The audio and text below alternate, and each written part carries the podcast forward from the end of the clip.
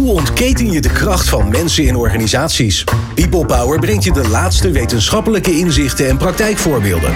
Over leiderschap en leren, betrokkenheid en bevlogenheid, inzetbaarheid en inclusie. Omdat mensen het verschil maken in jouw organisatie. People Power op Nieuw Business Radio. Hoe ziet jouw agenda eruit? Leef je van afspraak naar afspraak? Volgens het Sociaal en Cultureel Planbureau is de agendacultuur zelfs onderdeel van de Nederlandse identiteit. Maar kom je door lekker druk te zijn wel toe aan stilstaan, aan reflectie? Stilstaan bij de verbinding met de maatschappij, met de mensen die je lief hebt en met jezelf. Wat heb ik te doen in de wereld? Wat hebben mijn naasten van mij nodig? En wat is voor mij echt van belang? Bojana Duowski zag haar bloeiende bedrijf verwelken door de coronacrisis. Waardoor ze werd gedwongen om zichzelf deze en andere vragen te stellen. En deze zoektocht zet ze voort in gesprek met anderen. Dit is People Power, Lef en Liefde. En te gast zijn Nina Tellegen, ze is Executive Director van de Amsterdam Economic Board. En Regina Romein, Global Head ESG bij Media Monks. Fijn dat je luistert. It is about the courage to be imperfect, to be vulnerable, and to set boundaries. One of the reasons why I live such a fantastic life is because I pay attention.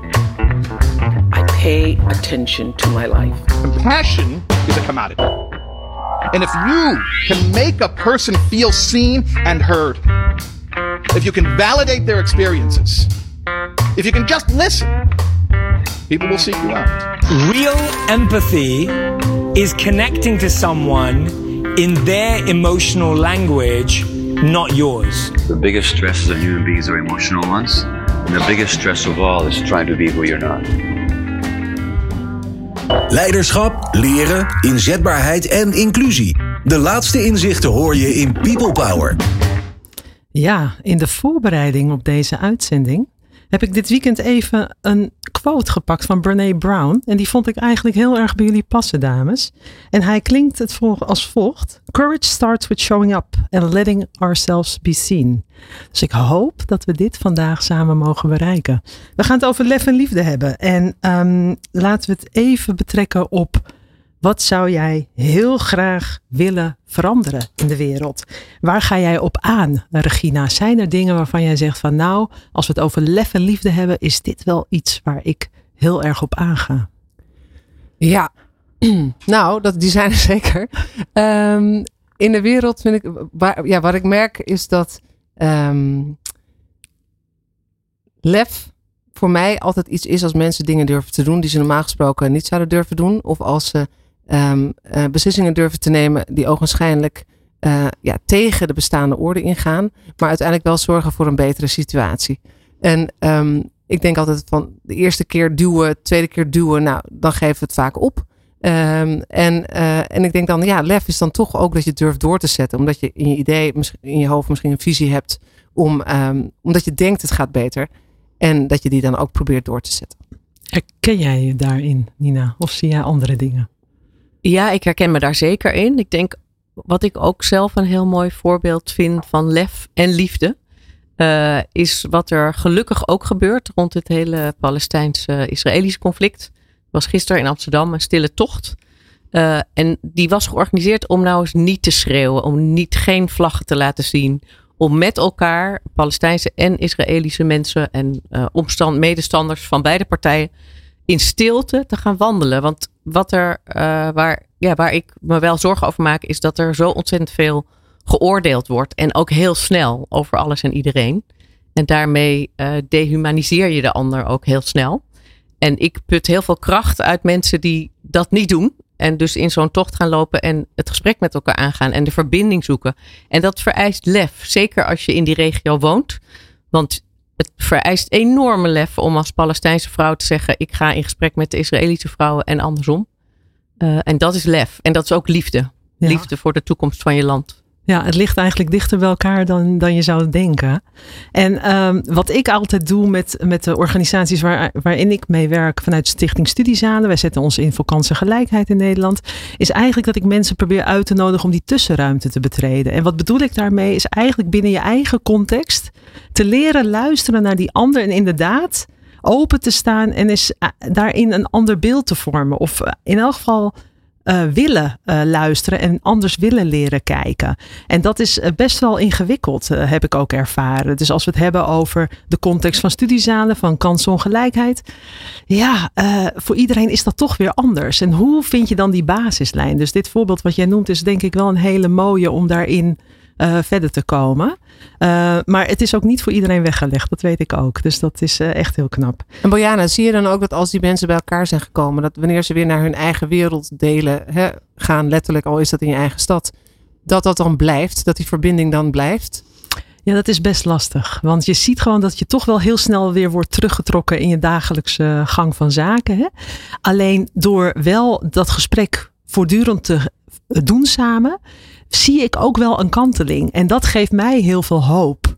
Uh, omdat ik gewoon zie dat er toch ergens wel behoefte is aan die verbinding. En ook echt van oké, wat ga ik betekenen op deze aardbodem? En wat kan ik wel binnen de cirkel van invloed die ik heb? Dus dat is echt wel heel mooi. En vooral die young professionals, uh, die willen heel graag, maar weten ook vaak niet zo goed hoe. Nee, en ik kan me ook voorstellen dat het stukje hè, een deel individueel contact is altijd makkelijker dan wanneer je weer vervolgens naar je eigen groep teruggaat. Juist. Ja. En het is ook gewoon heel hard werken, hè, vaak. Want wij zijn met anders kijken, anders doen uh, bezig ja. vanuit de Amsterdam Economic Board. Omdat we gezien hebben dat we heel vaak het, proces, het gesprek voeren op procesniveau, ingewikkeld.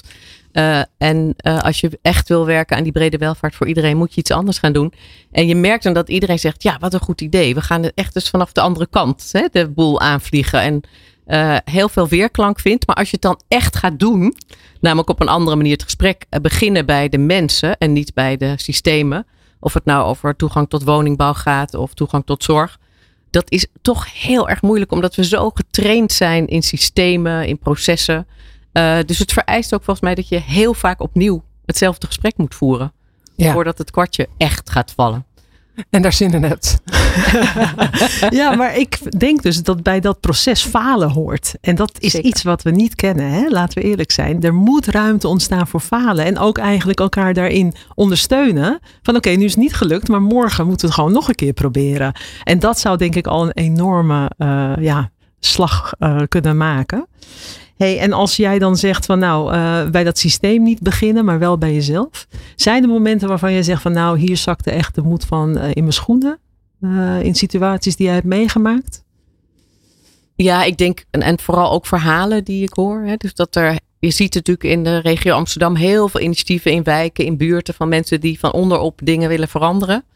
En die vervolgens dan met de overheid in contact komen. Die overheid zegt, dat gaan we doen. We gaan het echt anders aanpakken. En vervolgens moeten die mensen toch weer uh, elke maand op basis van vastgestelde KPI's en vastgestelde allerlei andere zaken rapportages uh, opleveren. Waar ze helemaal niet toe in staat zijn. Want dat is hun kennis en hun kracht zit in iets heel anders. Namelijk van de grond af op initiatieven opbouwen in die stad. Super belangrijk.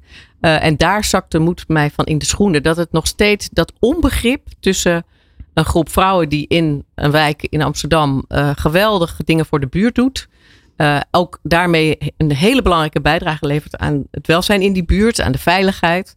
Die dan toch weer stuk lopen op wat de overheid van ze eist. En die ambtenaren zitten ook weer. Die zeggen ja, maar wij kunnen niet anders, want het moet van de politiek. En als wij het niet doen, dan krijgen wij weer op ons kop. Dus je moet op zoveel uh, punten in het systeem dingen gaan veranderen. Dat is best lastig. Er zijn gelukkig ook ambtenaren die wel hun nek uitsteken. En die zeggen, weet je wat? En daar heb jij, uh, Heel veel Bojana, ook voorbeelden van gelukkig. Ja we gaan het echt anders doen. Maar die koplopers en die mensen met lef, die heb je zo hard nodig. Ja. En wat zie jij, Regina? Ja, ik werk natuurlijk bij een organisatie waar, um, uh, nou, we zijn wereldwijd, 9000 medewerkers, um, meer dan 30 landen. En um, ik, omdat ik de baas ben van ESG, zo gezegd, krijg ik al die initiatieven, in, in, zowel als het gaat over het klimaat of als het gaat over social impact, krijg ik op mijn bureau langs. En dat zijn allemaal goed bedoelde initiatieven. Uh, ik draag ze ook allemaal een warm hart toe. En, maar op een gegeven moment, na zoveel tijd, zie je de herhaling in de, in de initiatieven komen. En dan, daar zakt echt de broek mij van af. Dat ik echt denk van, ehm, de, de onbereidwilligheid om te leren uit het verleden of om de samenwerking op te zoeken. Ehm, het lijkt soms ego-gedreven founder, founder ego. Dat is zo van, hey, but it's not, it's my idea. Ik wil de founder zijn, zodat ik lekker op LinkedIn kan zetten, founder, co-founder, whatever. En eh, dan denk ik echt van, ja, eh, kijk eens even twee, twee grachtenpanden verder en kijk dan wie daar zit. En die hebben zo'nzelfde initiatief gestart. Zijn misschien al over de kop gegaan of zijn misschien succesvol of hebben een kleine schaal. Uh, pak dan je eigen capaciteiten toe en zie hoe je hen kan versterken. En die, die capability kan vergroten, of die schaal kan vergroten, of die impact kan vergroten. En dat, dat is, dat, daar zak ik me echt de broek vanaf dat ik denk. De onbereidwilligheid van ons als mens om te leren uit het verleden en daar echt lering uit te trekken. En dan vervolgens wijzer te worden, dat verbaast me echt. Ja, maar wat is jouw rol daar dan in? Dat is wel interessant, want jij, ja, jij ziet dan heel veel. Hè? Je bent een soort van regisseur dan op dat moment. Ja. Wat, wat, wat kan jij dan daarin bijdragen? Ja, ik probeer een verbindende rol te hebben als een soort van spin in het web. Maar daar, daarbij ben je ook heel vaak afhankelijk van de uitvoerende kant. En die uitvoerende kant heeft zijn eigen doelen. En die zijn heel vaak gericht op de eigen idealen. En niet per se Hè, of je nu inderdaad bij project, proces start of bij doel start, zijn niet per se altijd gericht op het ideaal dat, dat, dat meerdere mensen zal, uh, zal dienen. En ja, dat, dus dan, dan stagneert het ook vaak. Als het niet in het eigen straatje of in het eigen ideaal past, dan houdt het op. Want ja, dan moet ik gaan samenwerken met iemand. En die kan net op 10% anders denken dan ik. Ja, dan, dan is het toch voor die founder picture is dat toch weer een ander verhaal. Ja, moeilijk. Dat juist ook binnen dit maatschappelijke vlak, ja. Uh, dat eigenlijk uh, ja, uh, speelt. Nou ja, wij hebben dat ook meegemaakt, toch? Dat wij uh, uh, refurbished apparaten willen, willen sturen en, en dat de ene partij niet met de andere partij samenwerkt. En dan denk ik, hoe, hoe is het mogelijk? Creëer een één inzamelpunt in Nederland waar alle partijen hun spullen heen kunnen sturen en maak vervolgens een distributiesysteem. Kijk, het moet ook niet vervolgens ten onder gaan aan de processen en de bureaucratie, want dat is ook een Hè, een, een leed natuurlijk, wat, daar, wat, wat, wat daarbij op de loer ligt. Maar um, ja, uh, impact uh, zou ik uh, graag vergroten op sommige delen. nou ja, daar kunnen we dan alle drie aan bijdragen. Ja, bij mij zit het met name dat ik dan, wat jij al benoemde, Nina, is als je ziet dat mensen toch schuilen achter hun positie of achter zo'n systeem. Hè, daar word ik echt heel moedeloos van. Dat ik denk van, maar je ziet het toch ook gebeuren? Wat kan er wel? En, en uh, dat vind ik de grootste uitdaging op lef dan. Uh, van wat kan er wel? Het is vaak nee of de deur is dicht. Maar hoe krijgen we hem op een kiertje? En, en dat zijn gelukkig dan wel de uitzonderingen bij heel veel organisaties en overheden. Die ik heel erg aanspreek en waar ik ook heel veel mee kan. En dat is uh, echt wel heel belangrijk. Betere prestaties en gelukkige mensen. People Power. Ja, lef en liefde. Nou, we gaan eens even wat meer de diepte in, dames. Want we hebben beetje de wereld uh, samen geobserveerd vanuit lef en liefde. En wat ik altijd een hele interessante vraag vind is. Met wat voor type mensen krijg je dingen voor elkaar? Wat uh, hebben die mensen qua eigenschappen waarvan je zegt van nou daar ga ik op aan of daar kan ik wat mee? Nou, ik weet dat heel goed, maar laten we even, Nina, is daar iets waarvan je zegt van nou, dit zijn altijd wel de mensen waarmee ik een resultaat behaal, op wat voor manier dan ook? Ja, dat zijn vooral de doeners met een klein ego. Oh, Zodra er grote ego's bij komen, dat is precies wat uh, Regina net al zei. Weet je, dan gaat het allemaal over die ego's en wat ze willen bereiken. En je hebt juist mensen nodig die de zaak voorop zetten en niet hun eigen persoon. Uh, en het moeten ook echt doeners zijn. Dus mensen die gewoon dingen aanpakken. We gaan zonder eindeloos vragen te stellen, eindeloos te aarzelen. Gewoon gaan doen. Daar kan ik het beste mee. En als ik dan denk aan de context waar jij je in begeeft. Ja. Ik denk dat er ook best wel heel veel praters zitten. Hoe, hoe, hoe hou je jezelf daar dan op aangelijnd? Ja, sorry. Zeker, nee, dat is een hele terechte opmerking. Ja. Nou ja, ook in alle organisaties zitten doeners. Uh, het duurt soms even voordat je ze gevonden hebt. Maar het gaat natuurlijk heel erg over de mensen zoeken die echt die verandering willen, de koplopers. Uh, en als je die gevonden hebt, dan hopen dat de rest ook meegaat. En meestal is dat zo. Dus ja. het is soms even zoeken en je moet vooral ook niet je laten weerhouden door al dat gepraat. Uh, dat vertraagt. Ik zeg ook altijd tegen mijn collega's: je moet hier wel veel geduld hebben. Drie stappen vooruit, twee stappen terug. Maar uiteindelijk gaan we vooruit doordat we die doeners weten te vinden. Ja, ja, dus eigenlijk een sandwich approach. Dus je gaat uh, met de bovenkant misschien praten en met die doeners ga je ook echt uh, dingen teweeg brengen. Is dat ja, een beetje? Ja, en dat anders kijken, anders doen, dat begint heel erg bij die onderkant. Dus dat is ook waarom wij daarop gekomen zijn. Dat het die kant moet heel erg versterkt. Oh, mooi. Ja, ik denk dat die bovenkant vooral bezig moet zijn met, met de weg vrij te maken voor die doeners inderdaad. Want doeners gaan heel goed bij duidelijkheid van het pad. Eh, dus ehm, eh, wanneer je en het pad nog moet bouwen en dan vervolgens er nog overheen moet lopen om van alles te doen, dat is ook mooi. Dat vind ik en innovatief en strategisch vaak zijn, vind ik vaak interessante mensen. Maar er zijn ook heel veel doeners die gewoon het meest gebaat zijn met: oké, geef nu die envelop, die moet naar die postbus en die ga ik dan nu brengen, zeg maar. Uh, met wat zijpaden hier en daar. En um, daarvan denk ik, die kunnen we soms wel wat beter helpen. En, uh, en wat, wat duidelijker uh, ja, frames, ja, frameworks geven van binnen deze kaders mag je opereren. Op het moment dat je merkt, ik ga de randen raken, dan ga ik je helpen om te kijken of ik ze kan openmaken. Want uh, daar ben ik dan voor. Dus ik, ik ben het helemaal met je eens. Ik kan, ik kan ook heel goed met, met, met doeners. En ook vaak omdat zij in staat zijn om grote ideeën en idealen naar het hier en nu te brengen. En te zeggen, oké, maar als we dan morgen de eerste winst boeken, welke is dat dan? Ja. En zo praktisch maken helpt het vaak wel. En is dat dan ook een specifiek type mens? Of zeg je gewoon die doe-mentaliteit? Is dat voldoende als containerbegrip? Of zeg je nou, er zit wel ietsjes meer in? Het uh, kleine ego is ook uh, ja. belangrijk. Oh, het kleine ego. Heb jij het ook, Regine? Um, ja, alleen ik, ik denk zelf dat ik op sommige vlakken ook misschien wel een, ego heb waar dat mezelf in de weg zou zitten. Um, maar um, uh, voor mij helpt het wel als ze positief zijn. Ik kan heel slecht tegen neeseers. Uh, ik weet vanuit de Enneagram dat het theorie, dat is een theorie die kijkt naar verschillende perspectieven van mensen. Soort net als MBTI en al die andere dingen. Blauw, groen, geel. Uh, daarvan kijken ze, ja, er zijn echt neeseers. Mensen die alleen maar beren op de weg zien. Die zijn ook fantastisch hè, in het proces. Die moet je vooral hebben als je een idee hebt bedacht en uitgewerkt hebt van, uh, van idee naar concept. Of van concept naar idee, whatever.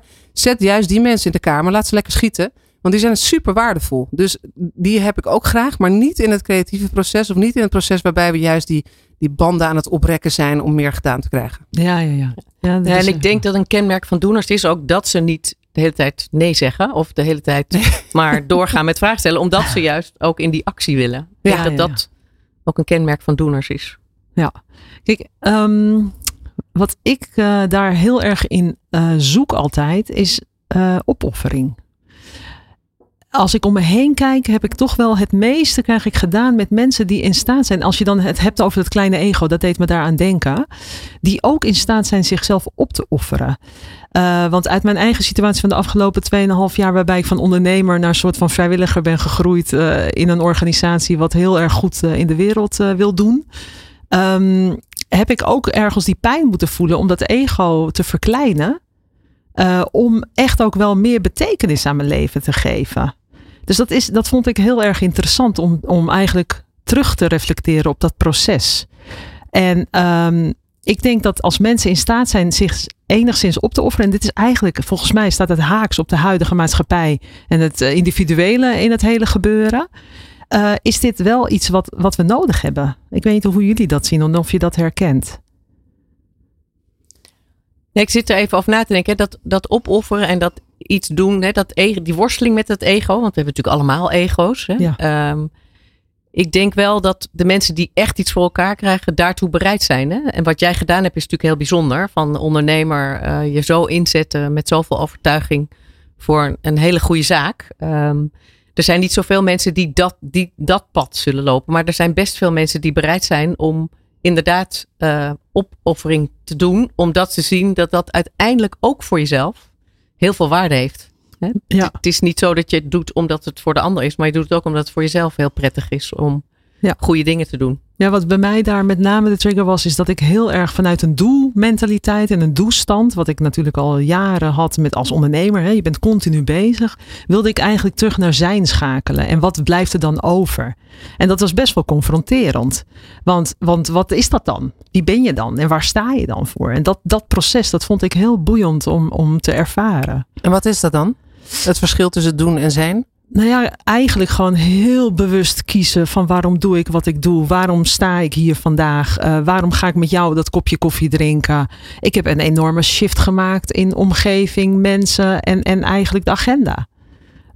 En, en durfde je dat ook te doen zonder dat je wist wat dat zou opleveren? Ja, dat vond ik juist heel spannend, maar ik heb ja, het wel gedaan. Ja. En heeft het je gebracht wat je gehoopt had? Nou, ik zit nog steeds in het proces, heb ik het idee. Dus dat is, dit, dit is hier ook een onderdeel van. Ja. Want ik wil mezelf blijven uitdagen. En uh, dit is iets wat ik niet snel had gedaan, zeg maar. Een uitzending maken over lef en liefde. Nee, vind ik ook best. En ook nog eens drie vrouwen. Dus dan eh, pak je ook al meteen een soort van vooroordeel mee. Hè? Gelukkig worden we geleid door een man. Dus dat is dan wel weer rolbevestigend. Maar ehm, ik, eh, wat ik nog aan wil vullen op dat. eh, ik maak een grapje. Maar wat ik nog aan wil vullen op dat, op dat opofferen. Aan de ene kant zou ik ook bijna willen dat dat er niet voor nodig was. Er zit ook een wens in mij dat, dat, dat ik zie. Hè, ehm, eh, eh, Abdelhamid, hè, de, de, hè, degene die de studiezalen heeft opgericht. Wat hij er allemaal voor moet opgeven. Wat jij er- ervoor moet hebben opgegeven. Eh, mensen die ontzettend goede stichtingen leiden. En die daardoor niet succesvol, financieel niet succesvol zijn. Eh, dat, dat, dat, dat stoort mij ook. Ik, ik, hè, de, de, de scheiding tussen kunst en, eh, en eh, commercie, bewijzen van, die er ook zit in de, in de NGO-wereld. Dat stoort mij ook. Want als je, als je gewoon goede mensen wil hebben, dat zeggen we ook altijd over de overheid en de digitalisering daar. Als je goede mensen wil hebben, dan moet je ze ook betalen naar waarde. En eh, dan maar ervan uitgaan dat het genoeg is om, die, om dat ego te voelen met die waarde vanuit je, hè, vanuit je goed welzijn of vanuit het wel well-doing. Vind ik ook een beetje lastig. Dus ja, ik, ik, ik herken het. Maar ik vind het soms ook jammer dat mensen zoveel moeten opofferen om, om het goede te bereiken. Want daardoor bereiken we eigenlijk heel vaak de massa niet. Nee, dat klopt. Maar de vraag is ook of de massa dit eigenlijk wel weet. Of ze zich hier bewust van zijn. Hè? Dat Waar- weet ik niet. Van, van dat ze een deel van zichzelf moeten opofferen? Nee, nee. Van Dus een eh, ego of een als ze naar, naar personen kijken, la Abdelhamid of al- alle andere zaken, dat ze zich bewust zijn van het feit dat er een opoffering plaatsvindt. Ja. Ik, ik denk dat de massa dat niet eens, daar niet eens bij stil bij staat. Nee. Nee, dat denk ik ook. Ik denk niet dat die dat in de gaten hebben. Nee. Maar het is ook. Geld is natuurlijk heel belangrijk. Hè? is ook een vorm van erkenning. Tegelijkertijd, ik ben, ga weg bij de Amsterdam Economic Board. Daar heb ik best even over gedaan. Eh, en ga voor mezelf beginnen. Terwijl ik nog eigenlijk nog niet zo goed weet wat ik nou precies ga doen. Ja. Eh, en een baan achterlaten waar ik overal word uitgenodigd. Precies. Overal eh, vooraan sta. Overal. En op het moment dat ik me besefte dat dat dus toch uiteindelijk niet het belangrijkste is in het leven. Is ook een enorme bevrijding. Ja, maar het is ook lef om dan toch die stap te zetten. Ja, en zo voelt het niet meer dat het Nee. lef is. Omdat ik echt me realiseerde vorig jaar zomer. Nee, ik ben gewoon toe aan de volgende stap. En toen dacht ik opeens, ik vind het helemaal niet erg dat ik niet meer eh, elke week ergens op een receptie word uitgenodigd. Of weet je, ik, ik ga gewoon iets heel anders doen. En dat heeft in zichzelf ook heel veel waarde. Ik moet natuurlijk wel geld gaan verdienen. Dus Ja. dat is nog wel even een puntje. Maar, eh, dus dat, en dat gaat ook vast lukken. Maar dat, dat is een enorme bevrijding die ook heel veel waarde heeft. Nou, kijk, ik, ik heb natuurlijk die keuze gedwongen moeten maken. Hè. Dus als ik je dan iets mag meegeven uit mijn eigen ervaring, is eigenlijk heel erg vertrouwen op dat het wel volgt. Dus, dus dat was bij mij destijds heel sterk. Van ik heb geen idee waar ik naartoe ga.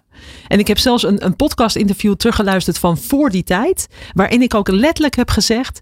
Ik sta nog niet in de arena waar ik hoor te staan. Ik voel dat die nog gaat komen. En, en ik weet dat die interview mij vroeg, maar hoezo? Je bent toch ondernemer? Je staat elke dag in de arena. En ik zei nee, er komt iets groters. En pas achteraf had ik door dat dit mijn nieuwe arena is. En dat dat de arena is waar ik hoor. Dus ik, ik eh, gun jou ook dat proces. Want dat is zo fantastisch. Want straks ben je op een nog betere plek, mooiere plek die nog meer bij jou past. Ja, en, ik, en daar ben ik eigenlijk al naar op weg door de stap te zetten. Om te zeggen, nee, ik ga weg Ja, bij de Amsterdam Economic Board. Heel ik ga stoer. iets heel anders doen. je zit hier niet voor niks vandaag. Hè? Dank je Dank wel. je. Ja. Ehm, en als we het dan hebben over bewonderen en verwonderen. Zijn er mensen die jullie heel erg, of misschien typeringen van mensen eh, die jullie bewonderen op lef of liefde? Waarvan je zegt van nou, Ja, ik kan wel iemand noemen. Dat is een, een vrouw die CEO is van een groot bedrijf. Eh, en ik heb vrij dicht bij haar in de buurt gefunctioneerd. Eh, en zij is heel scherp en hard op inhoud, maar heel zacht op de relatie. En dat heb ik, daar heb ik ontzettend veel van geleerd. Want ik vond het toen ik net directeur was, eh, bijna 23 jaar geleden, heel eng om heel stevig dingen te zeggen of mensen te wijzen op hun dingen die fout gingen. Dat dacht ik, ik dacht altijd, je moet heel aardig zijn, want anders vinden mensen je niet aardig. Maar ik heb van haar geleerd dat dat dus niet zo is. Dat zij ongelooflijk gewaardeerd wordt, omdat ze heel goed is op de relatie. Dus hè, verjaardagen, nou, noem maar wat. Is er iets met iemand, zal ze er altijd aandacht voor hebben. Maar als er zakelijk iets misgaat, dan krijg je het ook te horen. En die combinatie vind ik echt heel knap. Die heb ik niet zo heel vaak op die manier gezien. ja, wat een cadeau. Ja, nee, geweldig. Dus Ja. ik eh, heb dat ook wel tegen haar gezegd. En zij zegt dan, nee joh, zo bijzonder is dat niet. Maar ik vind het wel heel bijzonder. Mooi. Nou, dat vind ik alweer bijzonder. Dus eh, dat je in, staat bent om in een wereld. Ik merk heel vaak dat ik als ik in het. ehm, ja, in de hectiek van de dag eh, beland. En, en daar soms ook verzwolgen door wordt. Dat het moeilijk is om juist die sympathie of empathie. of hoe je het ook wil noemen. of die verbinding te houden. Eh, strak zijn op de inhoud uh, doe ik het liefste. Maar soms is het ook gewoon bloedirritant als iemand al de vierde keer nee heeft gezegd. En dan merk ik dat ik denk ik ook van ja, hè, of, of echt tegenwerkt. Ik, ik merk ook vaak dat neezeggers tegenwerken omdat ze misschien niet zo goed weten waar het over gaat. Dus uh, eigenlijk als ik me dat besef, denk ik, oh ja, even een stapje terug. Proberen we uit te leggen uh, waar hebben we het hier eigenlijk over? Uh, heb, je, hè, heb je enige kennis over het onderwerp? Kan ik je anders daar nog een beetje bij staan? En dan werkt het alweer vaak wat meer, wat beter. Maar um, ja, ik, ik bewonder mensen die dus in staat zijn om niet op een gegeven moment dan maar gewoon korte, korte metten te maken met die lange route naar, naar, naar het doel. en te zeggen, nou oké, okay, ik snij hier gewoon even af. Ja. Ik vergeet je verjaardag even. Niet bewust, maar oh, dan was ik een dag te laat voor, mee. Dus ik vind dat fantastisch. Ik kan me de hele dag door verwonderen aan mensen. Dan denk ik, jeetje, wat heb je dit mooi gezegd. Wat dan, ik hou ontzettend van andere perspectieven. Als mensen naar hetzelfde kijken en iets anders zien. Dan denk ik, jeetje, dat vind ik al uh, zo bewonderingswaardig. Ik heb altijd een beetje... Um, op een of andere manier een grote afstand tot helden. Omdat ik iedereen eigenlijk wel de potentie tot een held vind hebben. Ja, uitzondering daar gaat natuurlijk. Maar de meeste mensen hebben de potentie tot heldendom als ze dat uh, kunnen ontwikkelen. Ja. ja, mooi. Dankjewel. Wij gaan zo uh, naar het derde stuk van deze uitzending. En wij gaan ook proberen dat een beetje concreet te maken. Wat dichter bij onszelf, maar ook zeker kijken of we wat vijf geboden of zo kunnen extraheren van lef en liefde. Tot zo. Kracht van mensen in organisaties. People Power. People power. Ja, daar zijn we weer. Lef en liefde. Het uh, ging nog even door hier in de studio. En Regina, jij wilde nog even terugpakken op het vorige gesprek. Ja, ik, ik dacht over dat doen en zijn, daar had ik nog een puntje over. Dacht ik van, ja, hoe, hoe lukt het dan om de hele tijd in het, in het zijn te zijn? En, en, hè, en hoe lukt het jou dan om uiteindelijk toch die beslissing te nemen? Uh, want ja, het was niet dat je het niet naar je zin had bij de Economic Board. Dus je neemt zo'n beslissing om een volgende fase in te gaan. Wat zijn er dan voor externe factoren misschien? Als het niet altijd vanuit je binnenkomt, binnenste komt zo duidelijk, om, om toch zo'n stap te zetten. Volgens mij zit dat heel erg in de tijd nemen om te reflecteren. Ik uh, had in die tijd ook gesprekken met een psycholoog. Dat ja. helpt ook enorm. Uh, en door haar heb ik ook heel erg leren zien ja, aan wat voor dingen ik hang of vasthoud. En wat past beter bij mij, wat niet. Ja. Uh, zij adviseerde mij ook een boek van Edith Eger, The Choice. Als ja. je het niet gelezen hebt, doen. En dat gaat over een vrouw die in Auschwitz heeft gezeten en de meest vreselijke dingen heeft meegemaakt. En daarna psychotherapeut wordt. En dat hele boek gaat over dat je altijd een keuze hebt. Dat, ja. het, dus dat je altijd terug moet naar wat wil ik zelf. Uh, en ook niet kiezen is een keuze. Uh, maar dat besef. Dat, en dat geeft ook zoveel ruimte en vrijheid om te denken. Waarom zit ik zo vast in dat ik dit nog heel lang blijf doen? Nee, ik ga gewoon iets heel anders doen. Ja. Dus het helpt zeker om het daar met iemand anders over te hebben die ook heel goed is in dat. Maar zonder, ook zonder dat je weet wat dan het gevolg is. Want ik zat vanmorgen nog met iemand te appen die zei: Ja, ik ben echt wel klaar hè, in, uh, met die marketingwereld en uh, weet ik veel het allemaal niet. En uh, toen zei ze ook maar: What's next? En toen dacht ik, ja, dat is natuurlijk dat lefdeel. Hè? Dat je, en misschien ook het liefdedeel, dat je jezelf. Naar jezelf. Naar ja. jezelf. Dat je ja. zegt, oké, okay, ik, ga, ik ga met vertrouwen. Als, als vertrouwen een onderdeel is van liefde, dan dus die toekomst tegemoet. Maar um, ja, als, als je de keuze hebt dan betekent het niet meteen dat je ook het antwoord hebt. Nee, zeker niet. En ik dacht eerst van ik moet een andere baan vinden en dan ga ik pas weg. Ja. En begin dit jaar dacht ik nee, ik wil weg. Uh, laat ik die stap maar zetten. Maar dat heeft heel erg, Bojana zei het al, je hebt een soort vertrouwen nodig uh, om dat te doen. Ja. Um, en dat heeft ook met ervaring en leeftijd te maken. En ik ben zelf heel verbaasd hoor, dat ik dit uh, gedaan heb. Als je twee jaar geleden tegen mij had gezegd, ik, ik zeg mijn baan op en ik heb nog niks nieuws, dan zou ik echt zeggen, nee, je bent gek geworden. Ja, maar mooi. op een of andere manier dacht ik, ik ga het gewoon doen. Het voelt zo goed en zo sterk. En nou ja, ja. ik zie het wel. En dan ja. komen er dus ook dingen op je af. Dus ja. ja. Ik, ik hoor hier ook wel de liefde die ik herken daarin. Is dat eigenlijk naar jezelf. Maar ook gewoon inderdaad het vertrouwen op jezelf. Maar ook jezelf het gunnen. Dus ook gewoon ergens het vertrouwen hebben van er komt gewoon iets moois. En dat gun ik mezelf. En ook manifesteren helpt daar heel erg mee. Kijk, misschien weet je niet op welke plek je terechtkomt. Maar wel welke randvoorwaarden het moet hebben. Wat voor omgeving het moet zijn. Weet ik veel. Inspiratievol. Wat voor mensen. En dat helpt vaak ook. En dan weet ik zeker dat, op, dat het gewoon op je pad komt. Ja, en ook die vriendin van jou of diegene ja. die met wie je aan het appen was. Ga gesprekken aan met heel veel mensen. Ja. En dan kom je er vanzelf achter, wat wil ik nou eigenlijk? En als we hem dan even plat slaan naar de onderkant van de samenleving, waar de, hè, waar de uitdagingen soms groter zijn. Uh, kan je dan dit soort gesprekken aangaan met de jongeren binnen studiezalen? Of zeggen ze dan, uh, ja, dag met je, met je inspiratieomgeving en ik moet gewoon geld verdienen en uh, ik ben gewoon bang voor morgen? Ja, nou, maar dat is eigenlijk de basislijn waar we eh, uit starten. Alleen wij proberen dat perspectief te bieden. Ja. Dat we zeggen van ja, wij gaan eerst die dagelijkse stress wegnemen. Inderdaad, dat je gewoon inkomen hebt, dat je een eh, bed hebt, een dak boven je hoofd. En dan pas gaan we bouwen aan die horizonverbreding en positief perspectief. Want eh, als je kijkt naar de piramide van Maslow, dan kan je niet op drijfzand bouwen. Nee. Dus wij proberen eerst die basisbehoeftes eh, te dekken. En dat is wel heel, heel belangrijk. Ja.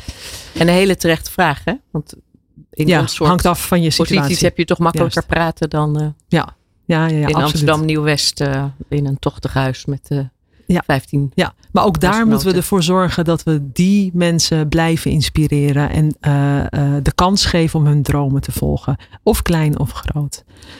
Ehm, Regina, Ja. hoe, hoe denk jij dat jij het verschil maakt in jouw omgeving, eh, direct of indirect? Ik moet even heel hard lachen.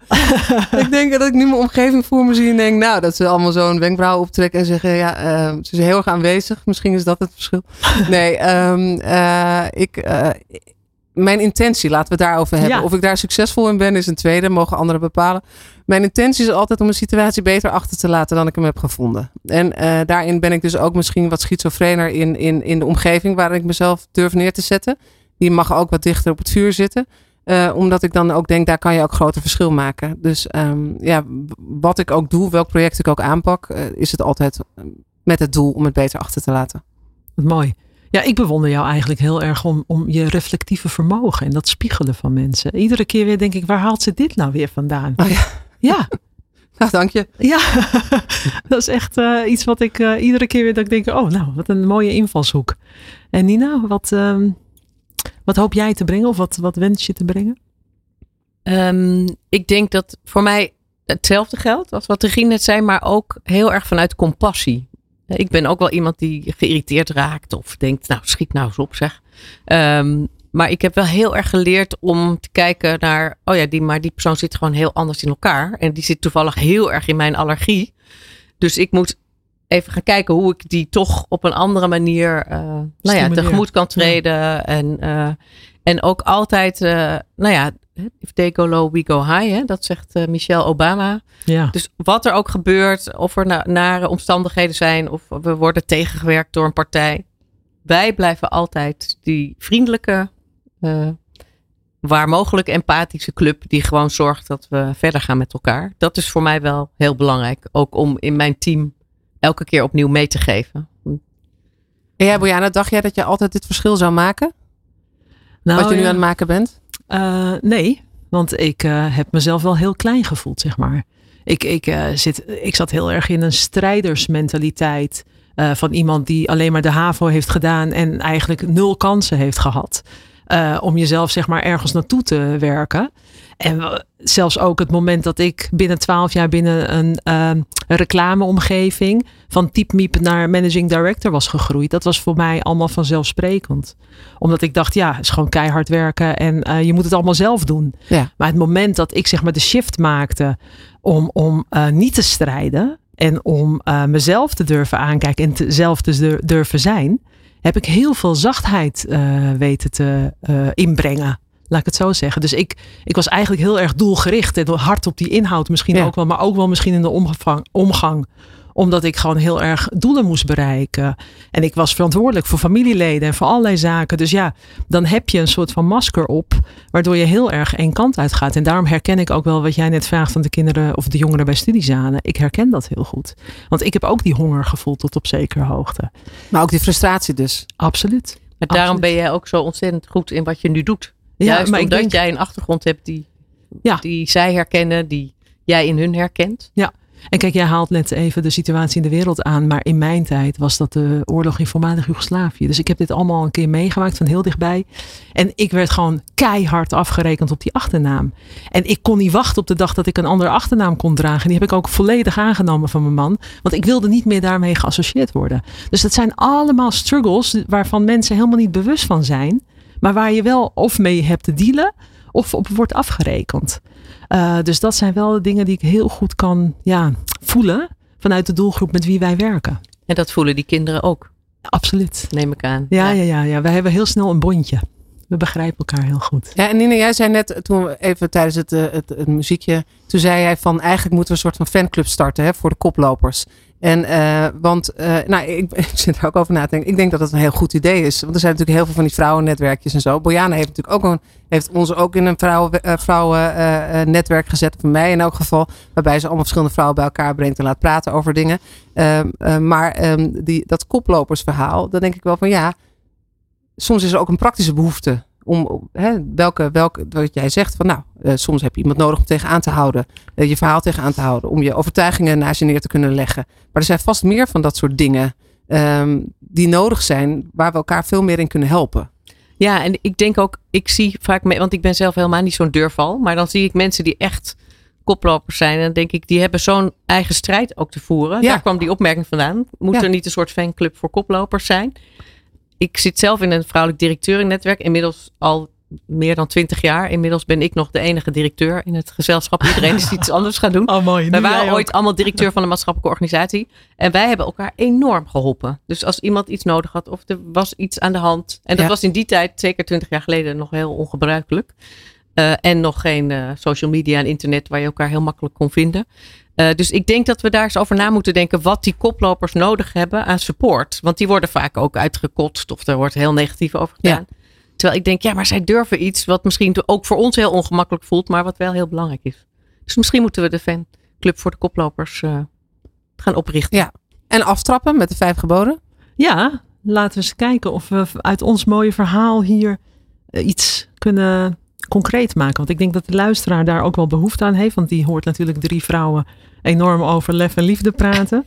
Eh, wat zijn eh, de highlights waarvan jullie zeggen, nou, dat is wel iets wat ik mee zou willen geven, mocht iemand dat heel interessant vinden. Nou, ik denk, we hadden het aan het begin van het gesprek ook over die eh, systeemwereld hè, en, de, en de leefwereld. Die termen zijn niet gebruikt, maar het ging ook over hoe mensen vastlopen in systemen. Ehm, en ik denk dat ehm, een heel mooi voorbeeld van waar ze daarmee aan de slag zijn gegaan is bij de Sociale Verzekeringsbank. En daar, hebben ze, daar stellen ze heel vaak de vraag. Zij moeten allemaal uitkeringen eh, toekennen. ehm, en ambtenaren of de mensen die daar werken merken soms van... hé, hey, maar nu ga ik een uitkering stopzetten. Terwijl ik weet dat dat betekent dat iemand uit huis wordt geplaatst of wat er ook gebeurt. En zij hebben daar de garage De Bedoeling gestart. En dat is een plek waarbij je eh, allemaal in overrols eh, een ruimte ingaat. En waar iemand een vraagstuk inbrengt. En dan gaan ze met elkaar afpellen. Wat is hier nou eigenlijk de bedoeling? Wat is de bedoeling van deze uitkering? Wat is de bedoeling van deze maatregel? Om met elkaar, en dit is al voor de toeslagenschandaal, hebben ze dit gedaan. Om met elkaar op totale voet van gelijkheid aan de slag te gaan. Dus de eerste van de vijf geboden, wat mij betreft, is altijd vragen: maar wat is de bedoeling van dit beleid of deze actie? En altijd nadenken over wat betekent het voor eh, de mensen die het aangaat, of de inkomensverschillen in een buurt, of de duurzaamheid. Je kan op allerlei manieren die vragen stellen. En dus Ehm, ook, dit kan toch niet de bedoeling zijn? Ja, en dus oh, dit is dus niet de bedoeling. Ja. Dit is wel de Ja. wet of de regel. Eerder stoppen. maar- ja. Toch eerder aan die bel trekken. En als ze dat bij die toeslagenschandaal hadden gedaan, dan waren er Toch? niet zulke vreselijke ongelukken gebeurd. Ja. Dus wat is hier de bedoeling? Maar ook mooi dat je zegt dat iedereen dat overal aantrekt. Dus heel erg die gelijkwaardigheid eh, Ja. wordt omarmd daarin. En ik denk dat dat ook wel echt één punt is wat, wat heel erg nodig is. Ja, er is veel over te vinden op internet. Ja, ik zal wel even kijken. Dankjewel. Ehm Regine, heb jij iets in te brengen in Ja, de vijf geboden? Ik eh, zou wel in willen brengen, waar staat dat dan? En waarom zeg je dit? nou ja, omdat we hadden het eerder over de neezeggers. Eh, het lijkt mij heel interessant om eh, eh, die mensen die ook maar ook een resultaat zijn van hun omgeving en waar misschien processen al jarenlang op een bepaalde manier worden uitgevoerd, denken dat dit inderdaad de heersende norm is. En laat die norm dan nog maar eens een keertje zien. Ehm, en zullen we dan even kijken of dat wat er staat, we ook daadwerkelijk mee eens zijn met z'n allen. En dan kunnen we weer omdenken, hè? Eh, opnieuw denken en vragen, is dit dan de bedoeling? Dus ik, ik voel me helemaal, eh, helemaal eh, warm bij die gedachte aan die garage. Ik vind het helemaal te gek, ik wil er ook heen. Ja, dat lijkt me echt heel tof. Maar ook dus, wat jij daarin zegt, is waar staat het dan? Eigenlijk ook hiermee denk je dat we hier een, eh, de ongeschreven regels misschien wel mee kunnen smoren. Ja, het is een valse veiligheid om Ja. ver proberen te werpen. Ja. Kijk, mensen kunnen zich heel makkelijk verschuilen achter een valse veiligheid van, van wetten, regelgeving, normen of ja, hè, eh, eh, ja, waarden. Maar dan denk ik, ja, waar staat dat dan? En als je het mij echt goed uit kan leggen, als je mij overtuigt, dan ga ik met je mee. Ga ik alsnog proberen via de achterdeur een omweg te vinden. Maar dan ga ik in elk geval in eerste instantie even met je mee. Dan respecteer ik ook de nee wat, wat beter. Uh, en, maar, maar in de eerste instantie zal ik altijd vragen, waar staat het dan? Nou, mooi. Volgens mij hoorde ik jou al eerder eentje zeggen, Nina. Weet je Ja. wat ik bedoel? Je hebt altijd een keuze. Ja, Ja, dat, vind ik een dat hele is ook mooie. een hele belangrijke. Nog even, waar staat dat dan? Wat heel leuk is, het Instituut voor Publieke Waarden doet onderzoek. Hè? Heel veel in de sociale hoek. En die ontdekken dus heel vaak dat er wordt, door ambtenaren wordt gezegd: nee, dat mag niet. En dan Ja. zeggen zij: waar staat het dan? En dan staat het helemaal nergens. Dan is het gewoon in die hoofden ontstaan. Dus dit is echt een hele belangrijke. Waar staat het dan? En je hebt altijd een keuze. Dat besef klinkt heel eenvoudig, maar het is echt een heel belangrijk besef. Ja, maar ook mij. eigenlijk dat het een geschenk is. Dat je altijd die keuze hebt. Hè? In de wereld waarin wij leven. Hè? Dat wij die keuze mogen maken. Die vind ik wel heel bijzonder. Dus dat je vandaag eh, bij wijze van spreken kan beslissen. Ik ga piloot worden. En binnen x tijd kun je dat worden. Eh, dat is denk ik echt een heel groot gegeven. En dat is niet vanzelfsprekend. Nee, Ja. zeker vandaag niet, nee. Nee, dus eigenlijk als ik dan kijk naar een, gebod wat ik zou in willen brengen, is eigenlijk stilstaan en bij, ja, eh, in die zachtheid gewoon ook de dankbaarheid. Eh, die vind ik denk ik wel heel mooi. Eh, dat, je, dat je heel bewust dankbaar bent voor wat je wel hebt en niet alleen maar voor wat je niet hebt. Hele mooie, vind Ja. ik ook hoor. Zijn we dan al op vijf of missen nee, we Nee. er vier. We missen er nog één. Ik denk dat er nog wel eentje is. Ja. Is het al gedaan? Dat Is- raakt ook aan die eh, de kruistocht tegen de versnippering. Ja, Die er ook nog even in te gooien. Hè? Waar jij Ja. over begon, eh, Regina. Over al die initiatieven die op jouw bureau komen. Die op elkaar lijken. Waar mensen elke keer opnieuw het wiel gaan uitvinden. Volgens mij is het ook een hele belangrijke. Is het al gedaan? Dus ga niet iets nieuws verzinnen. Ja. En als je iets nieuws vindt, ga dan eerst even kijken. Hebben we dat al? Ja, en daar kan ook meteen die fanclub achteraan. Want dan is het ook wie heeft het al gedaan. En als je dan dus die, naar die mensen Mooi. probeert uit te reiken. Dan eh, kan je dus ook misschien van hen leren. Nou, ik zeg concreet gemaakt. Hè? Strikt eromheen en inpakken. Dames, dankjewel voor jullie eh, bijdrage. Nina van Tellegen, Regina Romein. En dit was Lef en Liefde. Graag gedaan. Meer luisteren? Ga naar peoplepower.radio en abonneer je op onze podcast.